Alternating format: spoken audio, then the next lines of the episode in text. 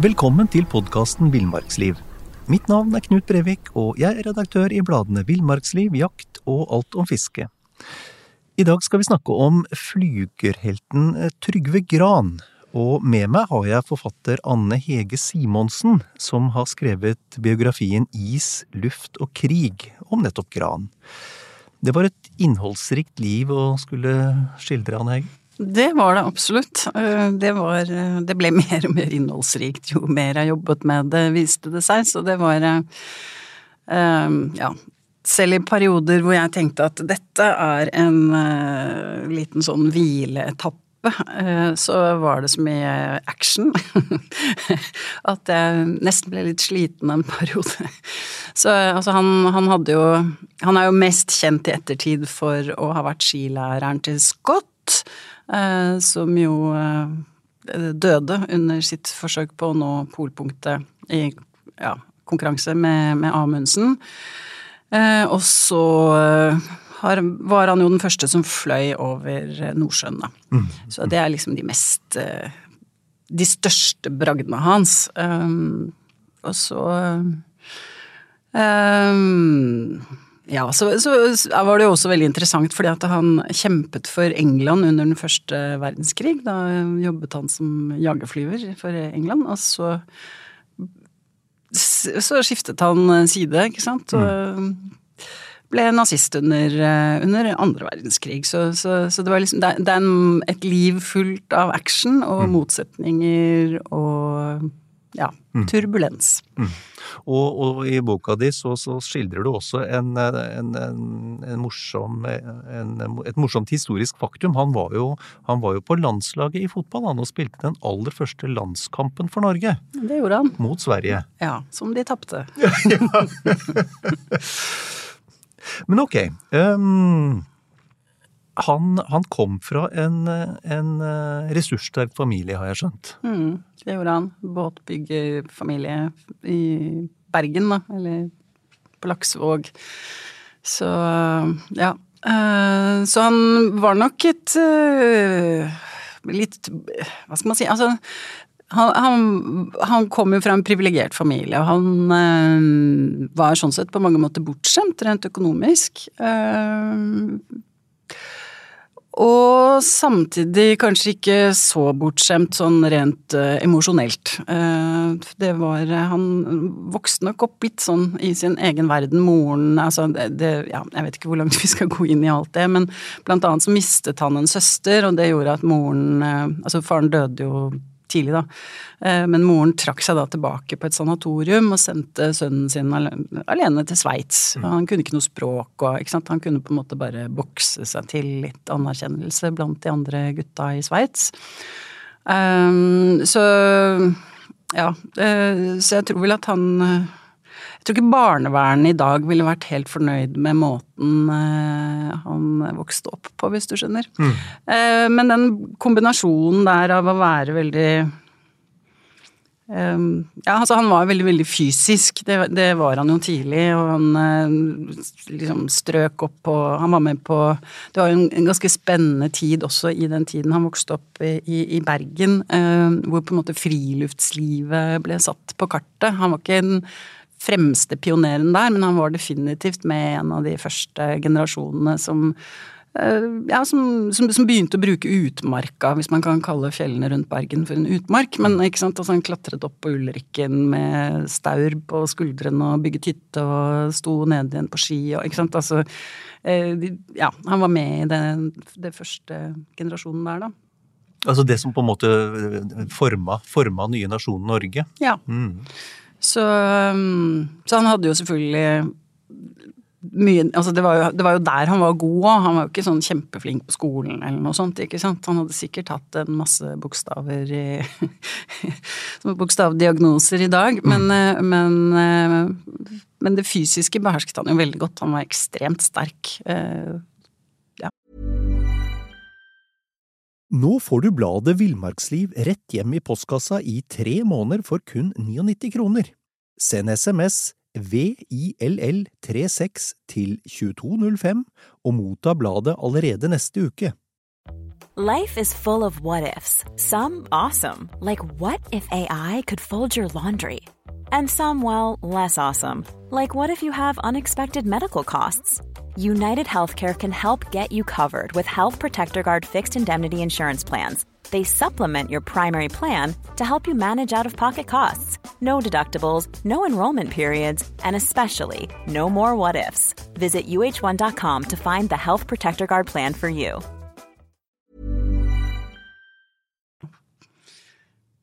Og når vi snakker om det fysiske, vi har jo allerede vært innom denne, denne første landskampen han spilte. Han spilte jo for, for, for Merkantil. Um, og, og, du skriver i boka at under den første landskampen så, så, la han merke til at eh, det var et norsk flagg som hang litt uh, sånn halvveis oppe på, på stanga. Uh, og da, da, avbrøt han egentlig bare kampen, løp opp, uh, heiste flagget, løp tilbake igjen og fortsatte å spille fotball. Og, og da tenker jeg, er det er det eh, tidlig uttrykk for et slags nasjonalt sinnelag, eller er det dårlig impulskontroll? Nei, kanskje begge deler. Eh, nå var vel kanskje fotballkamper Dette var jo den første landskampen, som du sa, så, så de var vel ikke så eh, Hva skal man si De var ikke så strenge på tid og, og sånt nå, tror jeg, den gangen, da. eh, men at han hadde et nasjonalt sinnelag, ja. Altså, han, han var jo en veldig sånn ja, fysisk utagerende person, men han ville jo veldig gjerne bety noe. Ikke sant? Sånn at, og det og veldig mye, som du jo sa selv også, så var jo veldig mye av si, friluftslivet var jo på en måte nasjonalistisk, ikke sant, i den perioden. Eh, Norge ble uavhengig i 1905, ikke sant. Så da ja, så, så, så, så, tolket Og de store bragdene, altså Nansen og Ikke minst Nansen, da, ikke sant. Eh, på det tidspunktet var jo en nasjonalhelt av gigantiske dimensjoner. Han drømte jo om å være en som ham, ikke sant. Det, og det å kunne liksom bruke kreftene sine i en sånn sammenheng. Eh, så jeg tenker jo ja. Den nasjonalistiske følelsen var nok der tidlig, og det å være en del av noe større. Mm. For en nok sikkert på mange måter litt ensom fyr òg, mm. som han jo var. Ja, for det, det, skal vi jo komme litt mer tilbake til, men, men det er jo det er en sånn tråd gjennom hele livet til, sånn som jeg leser boka, gjennom Trygve Gran, det at han, han, han ønsket å bety noe. Ønsket mm. å være med og, og forme sin samtid. Ja, det ville han absolutt. Men uh, han hadde dessverre litt sånn kronisk dårlig timing. Jo, du, du skriver det. det slo meg. Ja, ikke sant. For alt han gjorde Jeg vet ikke om vi foregriper noe, men altså både det der uh, Altså hvis han hadde ja, uh, altså dette med å dra til Antarktis sammen med Scott var jo ikke et sjakktrekk, viste det seg. Selv om han trodde jo det den gangen. Han ønsket å Egentlig så ønsket han jo å igangsette sin egen sydpolekspedisjon. Mm. Uh, men uh, så ja, så dukket Scott opp, og så trengte Scott en skilærer. Og så tenkte han ja, ja, kanskje det er en måte å, å, å bidra på. For han hadde fått med seg da, at liksom det var Shackleton, da, som, Ernst Shackleton, som jeg hadde prøvd et par ganger, som uh, mente at skiferdigheter var et alfa og omega for å få til dette, da. Ja, for han traff jo Shackleton. Han traff Shackleton. Eh, for, altså Den drømmen han hadde om å reise til, eh, til altså beseire Sydpolen, for dette her er jo et veldig sånn maskulint eh, område, og det er ikke snakk om bare å på en måte dra på tur. Her skal det beseires og erobres og underlegges og så videre, ikke sant.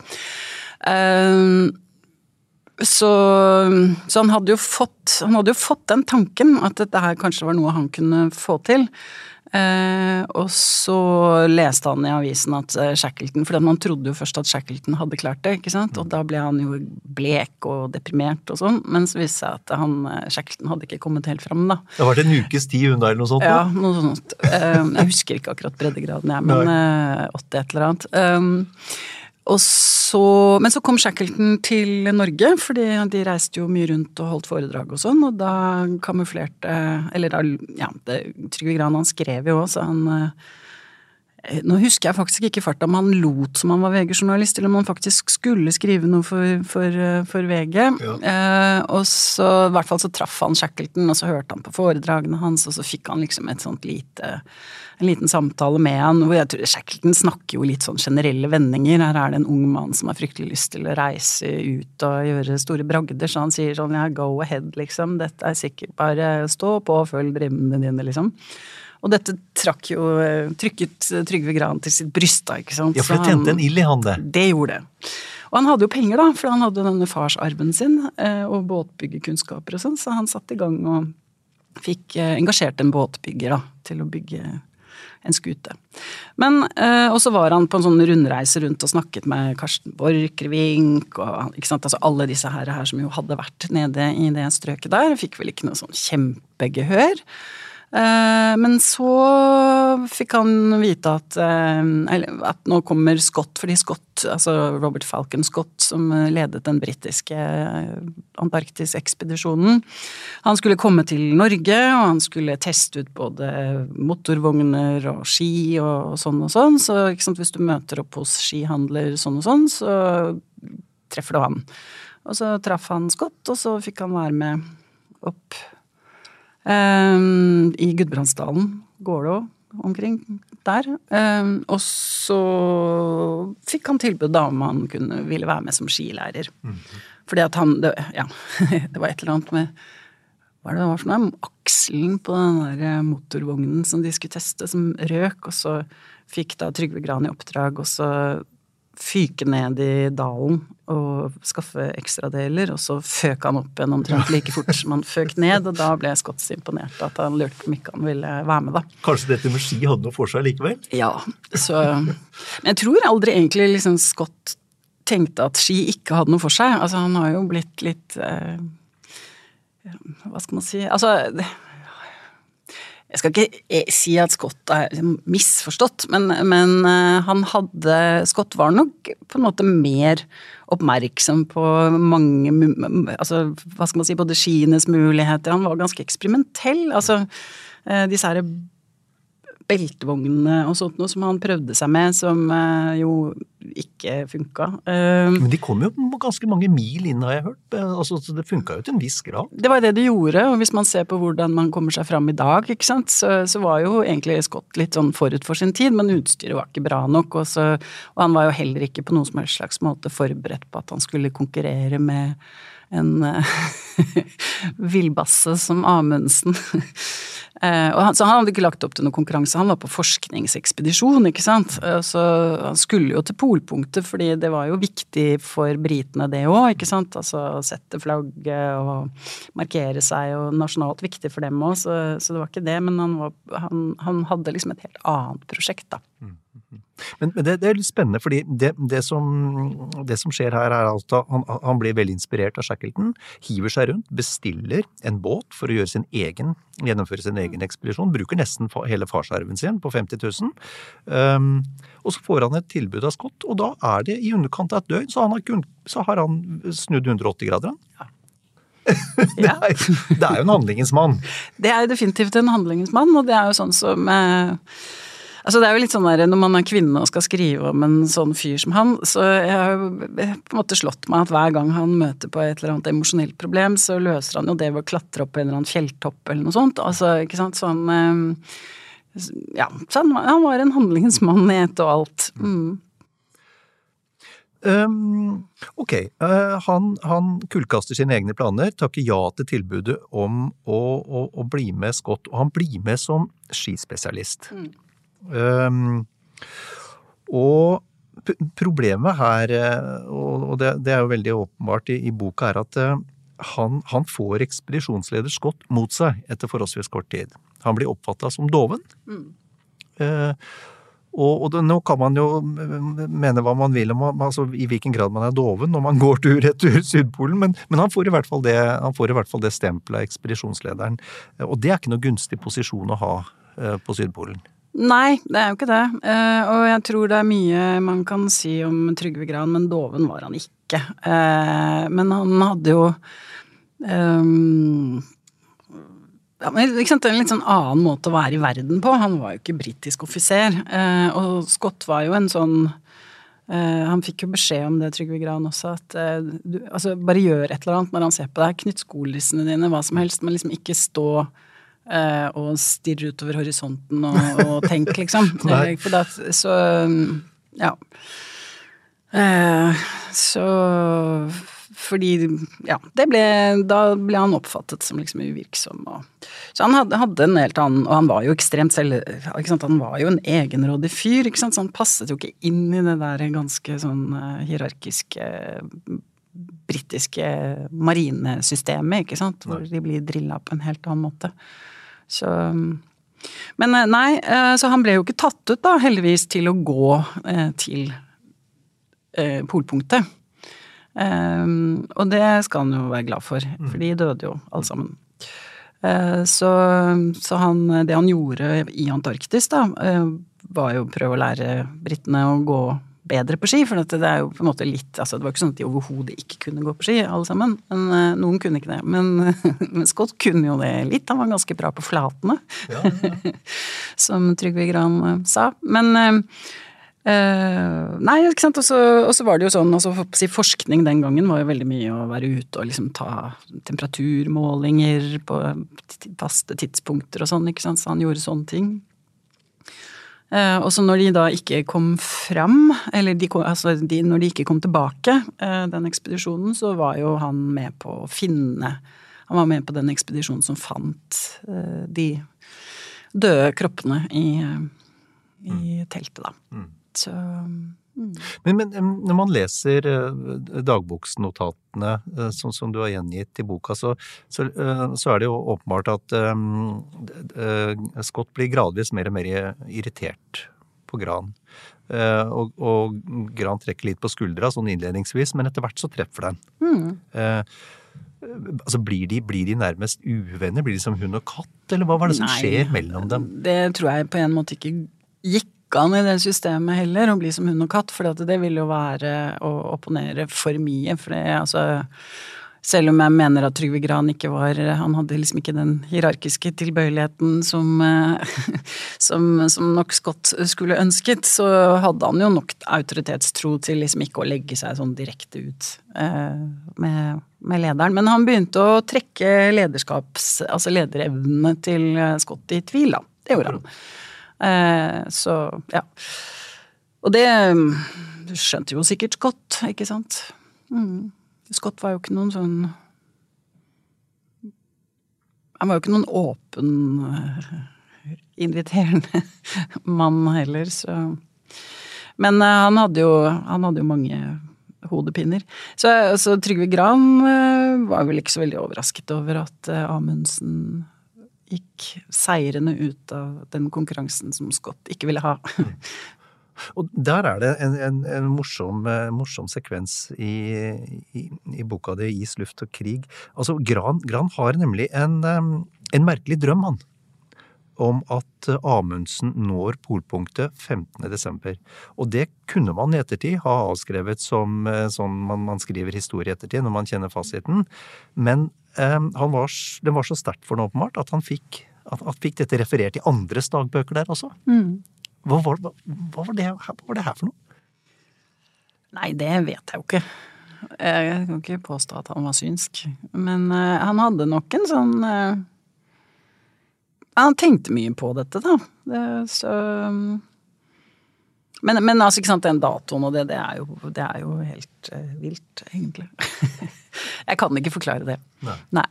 Uh, sånn uh, Ja, et slags vardøger mm.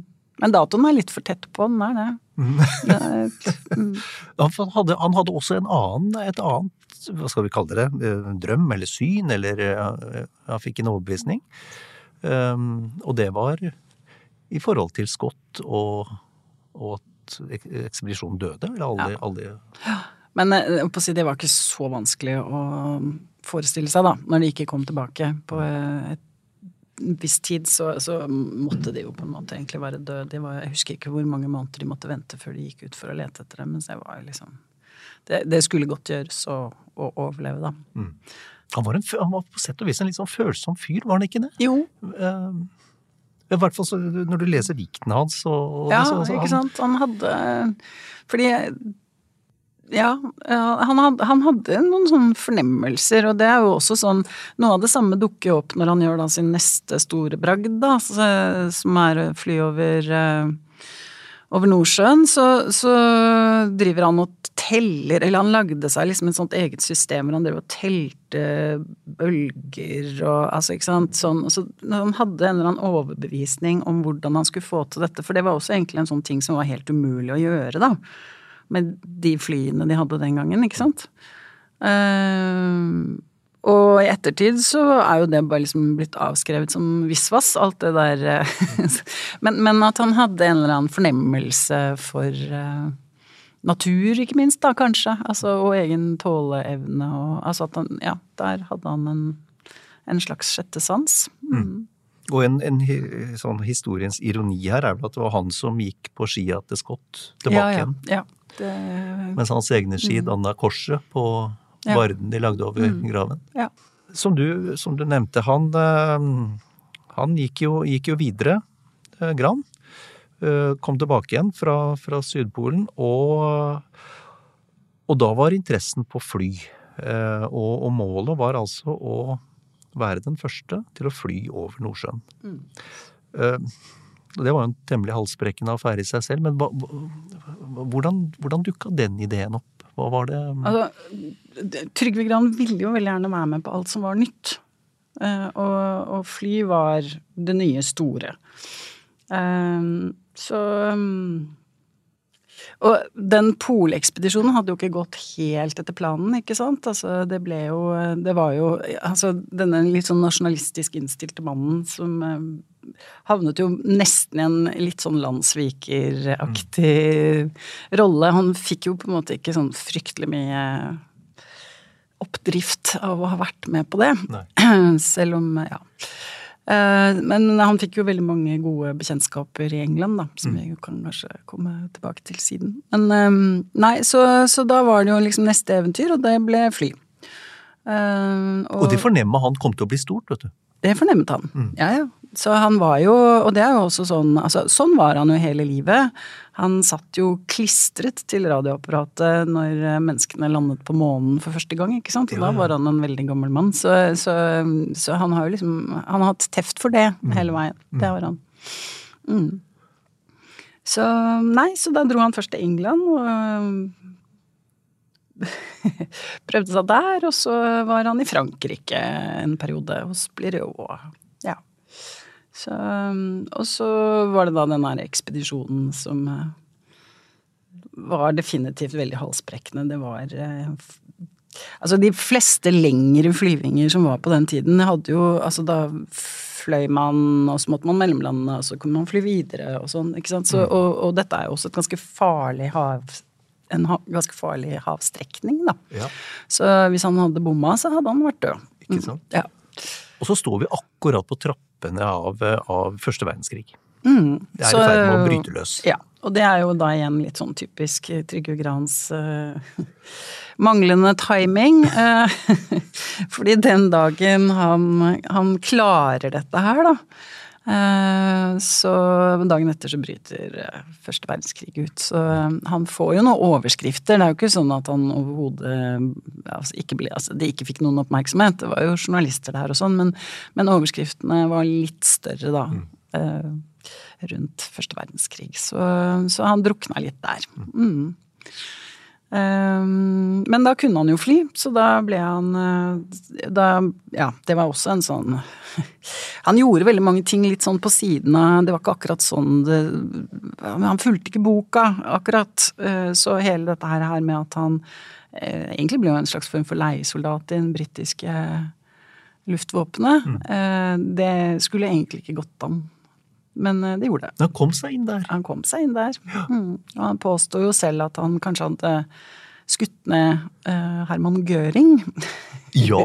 ja. Hva, hva, var det noe som helst i Nei, altså det er jo umulig å vite. Altså Det som man vet, er at Trygve Gran skjøt ned noen, men uh, om, og man vet at Herman Gøring ble skutt ned, mm.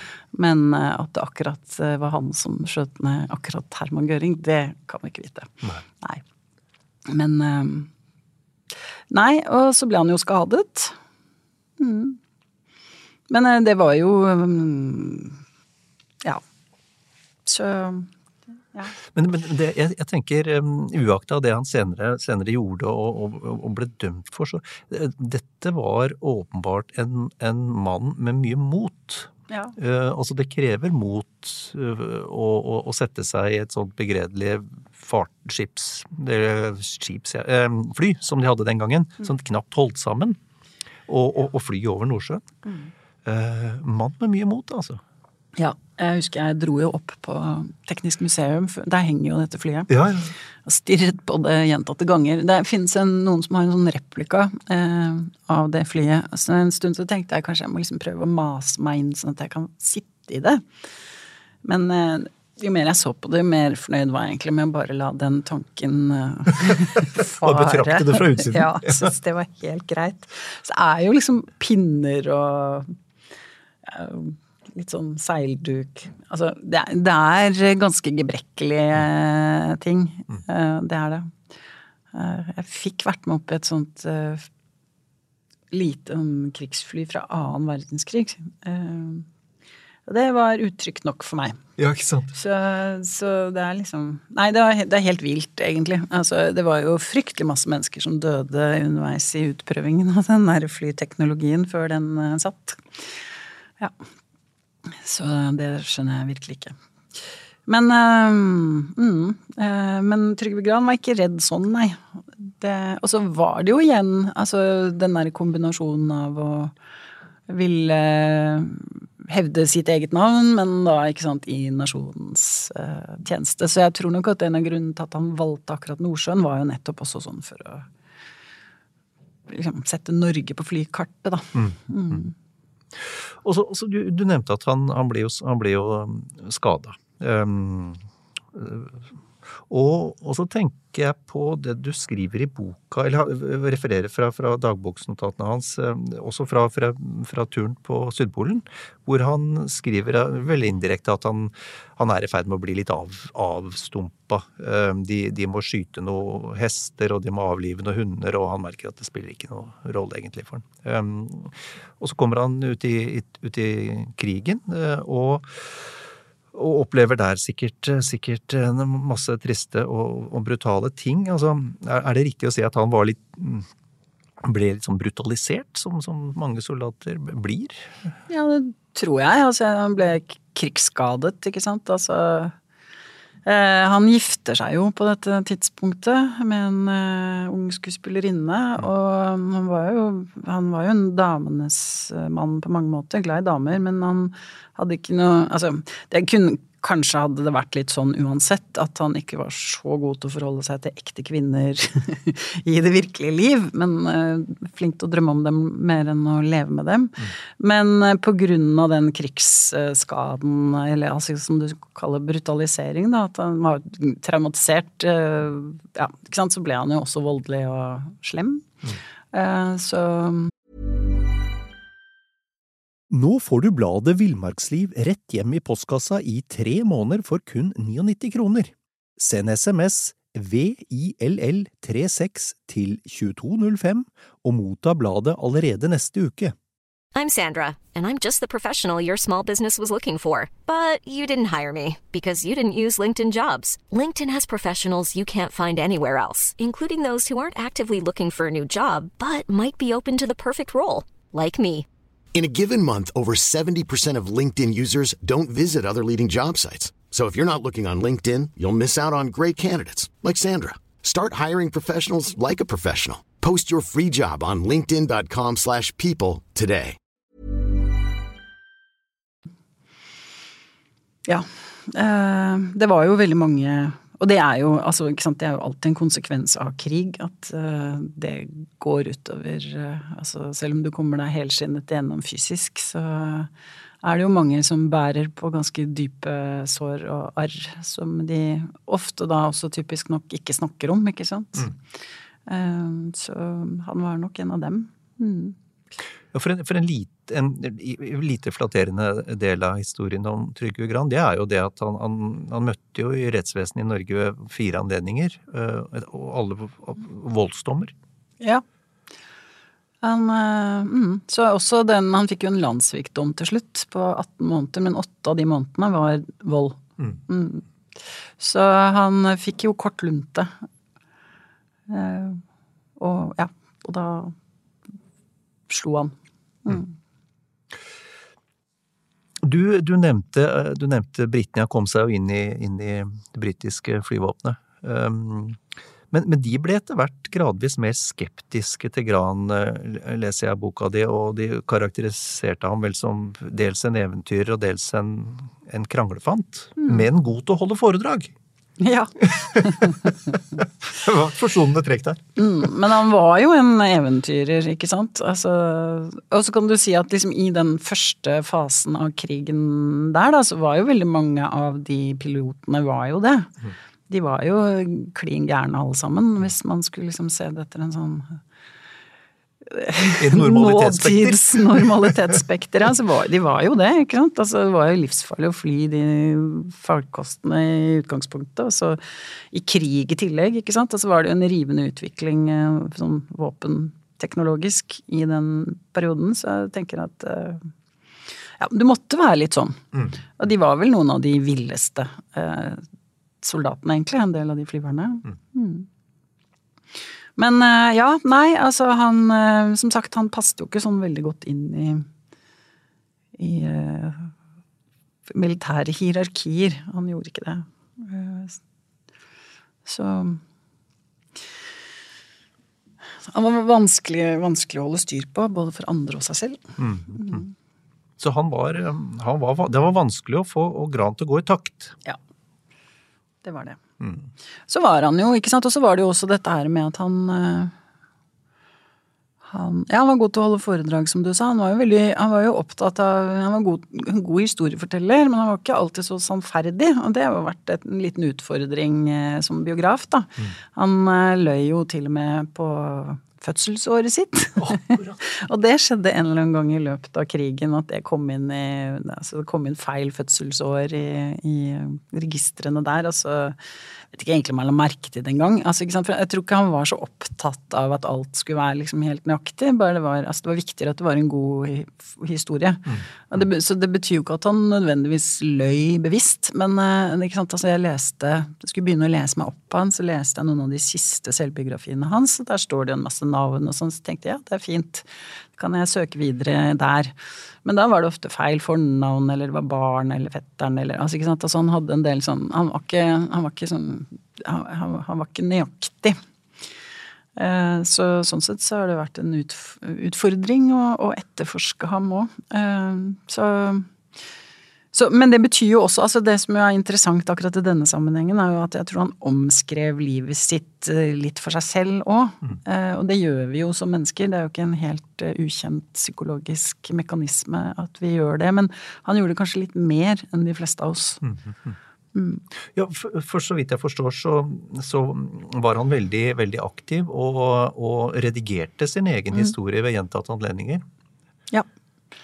Det, det, det, er det jeg mener. Altså at han på en måte om, omredigerte litt uh, hvorfor han gjorde ting, og hva som var motivasjonen for det, og hva, litt sånn Altså de fleste tingene som han sier at han gjorde, har han jo gjort, mm. men, men, hvorfor og Ja. Der er det ikke alltid like Nei. etterrettelig. Så så, men, men, jeg tror òg det, det, det, er litt sånn der, Gjorde han det for å Altså, jeg tror at han likte å fortelle gode historier, men jeg mm. tror også at han eh, håper å si sånn reelt sett eh, Altså når, når, han begynte å redigere historien om seg selv, så trodde han på en måte på den siste versjonen. Mm. Hvis du skjønner. Så det var liksom ikke sånn for aktivt å lure noen Nei. eller unndra et eller annet, men mm. at, da tenkte han ja, det var sånn det var. Mm. Du, du, i, i, boka så nevner du også uh, ved en anledning eller to at han uh, han var ikke også, altså det, det, Dette hverdagslige, dette om å betale f.eks. strømregning eller sånne altså hverdagslige ting, var ikke veldig opptatt av det. Nei. For han var opptatt av litt større ting. Så, så, det lot han ofte skure og gå litt. Um, litt, litt av det samme, kanskje? Ja. Ja. De store linjene. De store linjene, de store bragdene, de store bevegelsene. Mm. Mm. Ok. Um, han var altså Han, han, han sloss altså for England uh, under første verdenskrig. Og så skjer det en eller annen slags glidende politisk utvikling hos Gran i mellomkrigstida. Ja, eller gjør det det? Altså, ikke sant. Det er litt sånn eh, Jeg kan egentlig ikke se at han noen gang brøt med det England han ble kjent med. Altså, han fortsatte Altså, det at han eh, nærmet seg eh, Altså, han, han gikk inn i fedrelandslaget, ikke sant, altså, og etter hvert eh, så var det litt sånn uklart ble han, når ble han medlem av NS, og hvordan, og betalte han egentlig kontingent, og ikke sant, altså en masse sånne ting. Eh, men det var jo ikke noe tvil om at han eh, beveget seg den veien. Men jeg kan egentlig ikke se at han opererte med noe klart skille f.eks. mellom England som det gode Eller altså, ikke sant, mellom England og Tyskland. Det var mer og, og, det kan jo forklares også med at uh, si, det England han kjente, uh, som jo også var i veldig stor grad et overklasse-England, var jo også ganske fascistisk. Uh, selv om vi har glemt det litt i dag, fordi at England ble liksom ledestjernen, sant. Det, men det gamle England Og det er jo dette som er litt sånn paradokset, da, tenker jeg sånn rent politisk, som jeg syns er interessant det er jo at en mann som er så opptatt av det nye og ny teknologi og ikke sant, alle disse tingene, samtidig har en så hva skal man si, tilbakeskuende, litt sånn ja, konservativ, fascistisk eh, forhold til historien og historiens utviklingslinjer, ikke sant. Mm, mm. Så, så, han, han øh, ville jo opp, på en måte opprettholde Altså, ikke sant, dette her er jo, det er jo innmari mye interessant som skjer liksom på 20- og 30-tallet. Det var jo voldsomme sosiale bevegelser, ikke sant. Og det var revolusjoner, og det var eh, kvinnefrigjøring, eller ikke sant. Altså, ikke sant? Det, var jo veldig mye som spennende Veldig spennende tid. Ja. Eh, og også veldig polarisert. Eh, og han havnet jo da sant, på den eh, konservative siden der da når det gjaldt samfunnsutvikling. Og der har han på en måte hele tiden vært. Og igjen, altså, så, så, hans eh, syn på Altså det England Han brøt aldri med det England som også hadde det synet, selv om han da nærmet seg eh, Kanskje først og fremst det fascistiske Italia mer enn det nazistiske Tyskland, hvis du skjønner, sånn i første omgang. Um, og det skal også sies at uh, selv om han Det er nok ikke noe tvil om at han ble medlem av NS, men, men, han var jo igjen der ikke sant, altså norsk, Når det gjelder norsk nazisme, så går det ofte Eller så skiller man ofte mellom sånne pangermanister og nasjonalister, ikke sant. Altså de som på en måte trodde på det tyske verdensriket. Eh, og Trygve Gran var nok mer Altså, han var igjen en nasjonalist. Eh, og til dels også en opportunist, ikke sant. Altså, så, fordi at når På dette tidspunktet så begynner jo begynner han jo å bli en voksen mann, eh, så muligheten for de store bragdene er færre, og han har dårlig hørsel og ikke sant, altså så, så, hvem skulle på en måte bry seg om ham? Han hoppet litt på, tror jeg også, eh, de som ga han en utstrakt hånd, og det, det gjorde jo eh, de norske nazistene, da. Så, mm. Og han var jo, så, så, vidt jeg forstår, så han var vel en slags personlig venn av Gøring òg. Fikk vel, oppnådde vel et møte også med, med han. Eh, like før krigen brøt ut. Mm, eh, venn og venn, altså, men han hadde jo Der igjen er det litt sånn der, eh, ikke sant, altså når det passer seg sånn, så blir ting store, og når det ikke passer seg sånn, så blir de litt mindre og sånn, så at jeg vet ikke om man skal si at de var sånn veldig nære venner, men, men at de kjente hverandre, ja. Mm. Mm. Gamle flyvere begge Gamle to. flyvere begge to. Og det er klart at sånne ting skaper jo bånd, ikke sant. Så veldig mye, for han jobbet jo også som journalist, eh, kan man si. Mm. Eh, selv om han, han, var vel ikke så veldig god på sånn kildekritikk eh, som journalist heller. Eh, men veldig mye av nettverket som førte han rundt omkring. For han dekket jo, han dekket den spanske borgerkrigen, han dekket eh, Italias invasjon i, i Etiopia. Altså veldig mange sånne type ting. Og mye av nettverket der, det internasjonale nettverket hans der også, var jo formet av eh, flybakgrunnen, da. Og et slags sånn jeg vet ikke hva jeg skal kalle det egentlig. Et slags, uh, et slags kollegialt nettverk. Mm.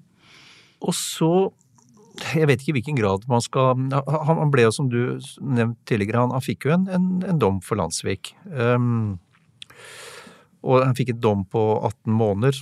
og Åtte av dem var jo for vold uh, og tap av borgerrettigheter i ti år.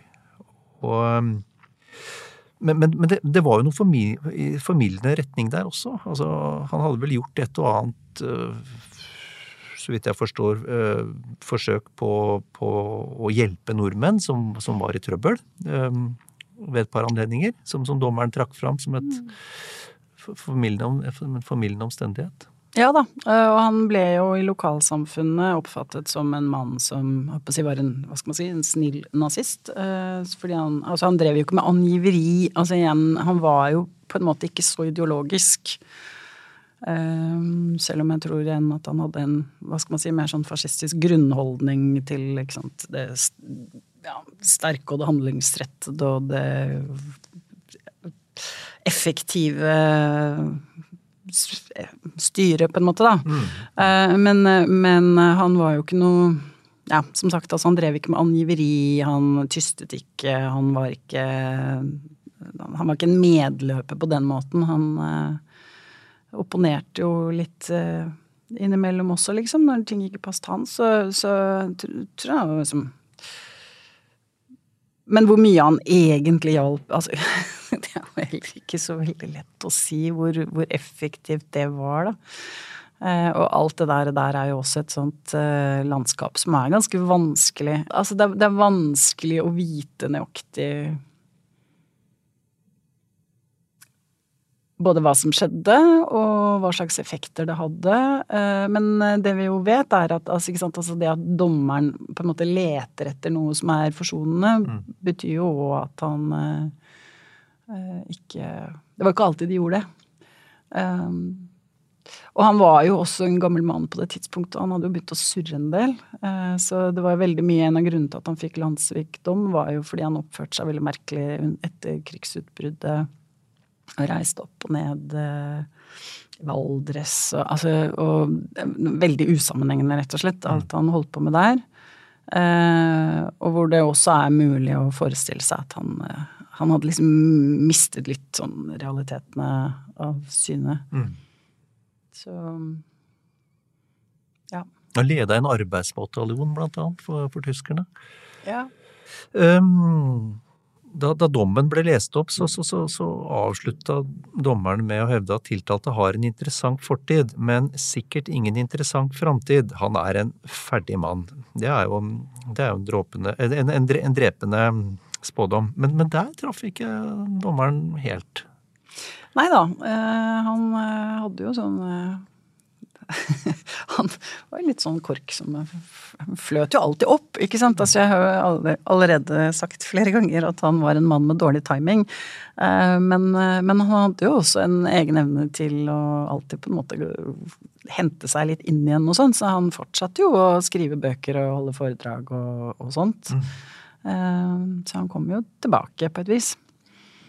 Så kan man jo si at det kanskje var helt nødvendig òg, for han var jo blakk som en kirkerotte. Ja, akkurat. Mm. akkurat. Så Og han hadde jo da store fortelleregenskaper. Så. Er det riktig å si at han, han, han eh, altså, fremstår, som vi har snakka om, med stort personlig mot, vilje og evne til raske beslutninger? Um, og han skrev, han skrev jo fremragende, det, det, det jeg har sett og referert. Eh, men, men, at han kanskje ikke i ettertid fremstår som noen sånn stor tenker? Nei, eh, det stemmer jo, skal vi se. Og det har han jo Hvis jeg kan belese for han, Ja, ja. han skriver det til sønnen sin helt eh, på For han fikk jo en Han giftet seg tre ganger da det første ekteskapet ble annullert, og så ble han skilt, og så giftet han seg igjen. Så han fikk jo en sønn i ganske moden alder. Uh, skal vi se, var det der Nei, det var ikke det. Han skrev det faktisk i den siste boka si, som han ga ut som 91-åring, 'Mitt liv mellom himmel og jord'. Så det var ikke brev til sønnen. Det var feil. Men der skriver han i et anfall av selvrefleksjon Filosofi, dyperegående tenkning, har jeg bare bedrevet til husbruk. Folk vil vel helst kalle meg en handlingens mann. Ved de store skiller i mitt liv har også trangen til eventyr, til opplevelser, til å være den første, eller i det minste blant de første, min legning for impulsivitet, innskytelse, bestemt mitt valg av vei. Motforestillinger har ikke plaget meg syndelig, så vidt jeg kan se. Det har vært meg til nytte og til glede, men også til skuffelse og bent fram sorg for mennesker jeg minst av alt vil gjøre ondt.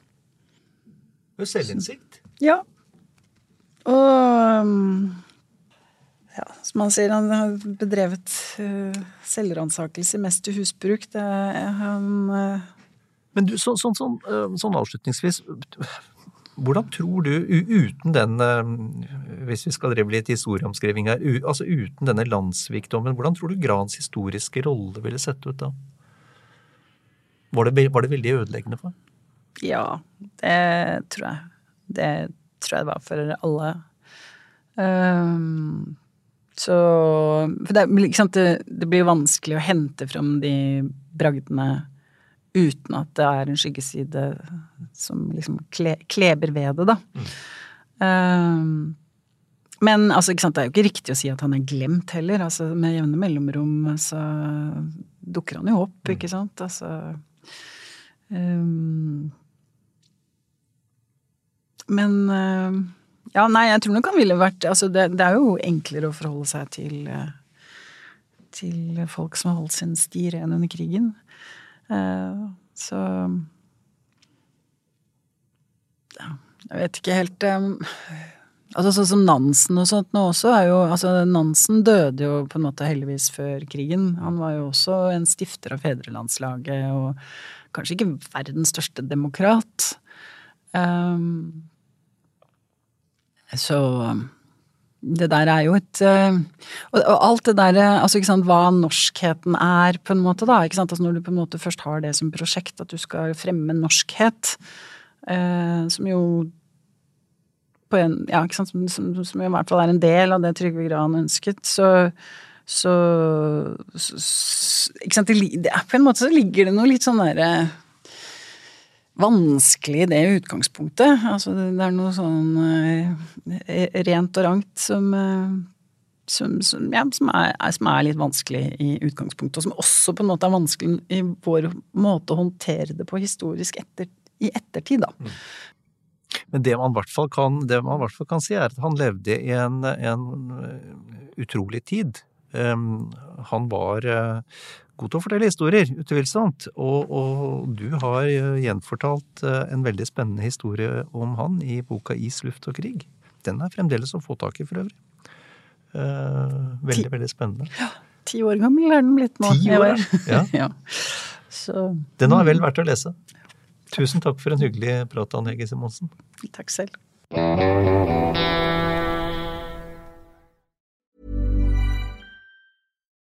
Nå får du bladet Villmarksliv rett hjem i postkassa i tre måneder for kun 99 kroner.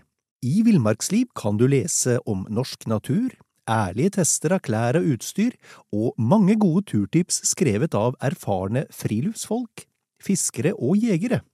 Send SMS VILL36 til 2205 og motta bladet allerede neste uke. Lev livet villere med bladet Villmarksliv. Hi, I'm Daniel, founder of Pretty Litter. Cats and cat owners deserve better than any old fashioned litter. That's why I teamed up with scientists and veterinarians to create Pretty Litter. Its innovative crystal formula has superior odor control and weighs up to 80% less than clay litter. Pretty Litter even monitors health by changing colors to help detect early signs of potential illness. It's the world's smartest kitty litter.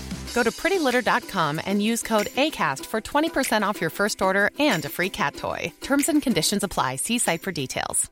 Planning for your next trip?